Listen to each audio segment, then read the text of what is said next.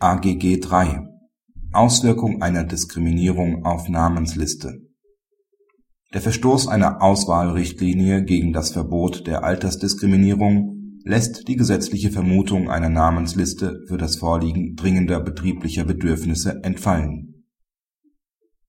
Anlässlich einer Betriebsänderung vereinbart der Arbeitgeber mit dem Betriebsrat einen Interessenausgleich mit Namensliste.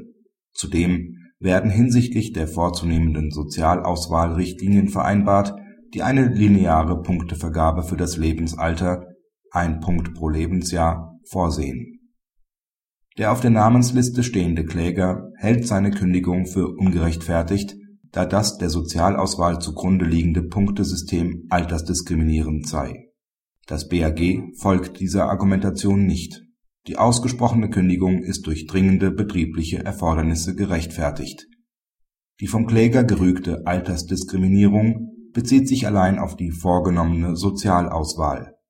Selbst wenn man eine solche unterstellt, hätte dies nicht die Unwirksamkeit der Namensliste und des Interessenausgleichs insgesamt und damit den Wegfall der gesetzlichen Vermutung der Betriebsbedingtheit der Kündigung zur Folge Sollten die im Interessenausgleich benannten Arbeitnehmer letztlich nach anderen Kriterien auszuwählen sein als von den Betriebsparteien vorgesehen, ändert dies nichts daran, dass diese ein gesunkenes Arbeitsvolumen erkannt und für die im Interessenausgleich vorgesehene Anzahl von Entlassungen einen betriebsbedingten Grund angenommen haben.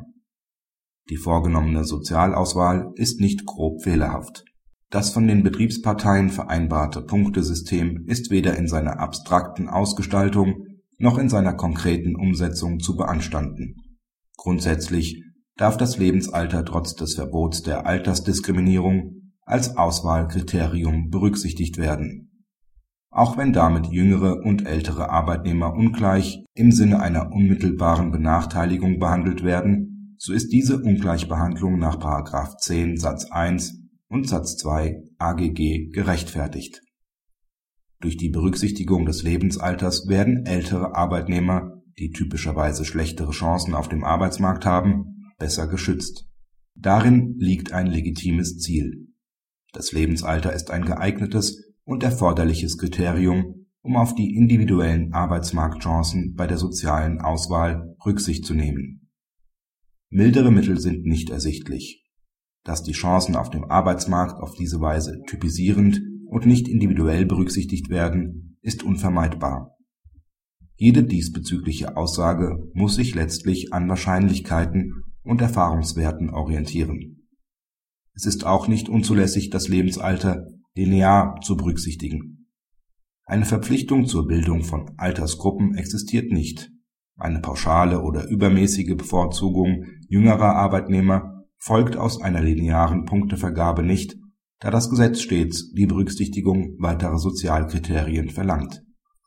Praxishinweis Die Entscheidung hat für die Praxis große Bedeutung, da es sich um das erste Urteil des BAG handelt, in dem das Gericht zu einer Sozialauswahl ohne Altersgruppenbildung nach Inkrafttreten des AGG Stellung bezieht.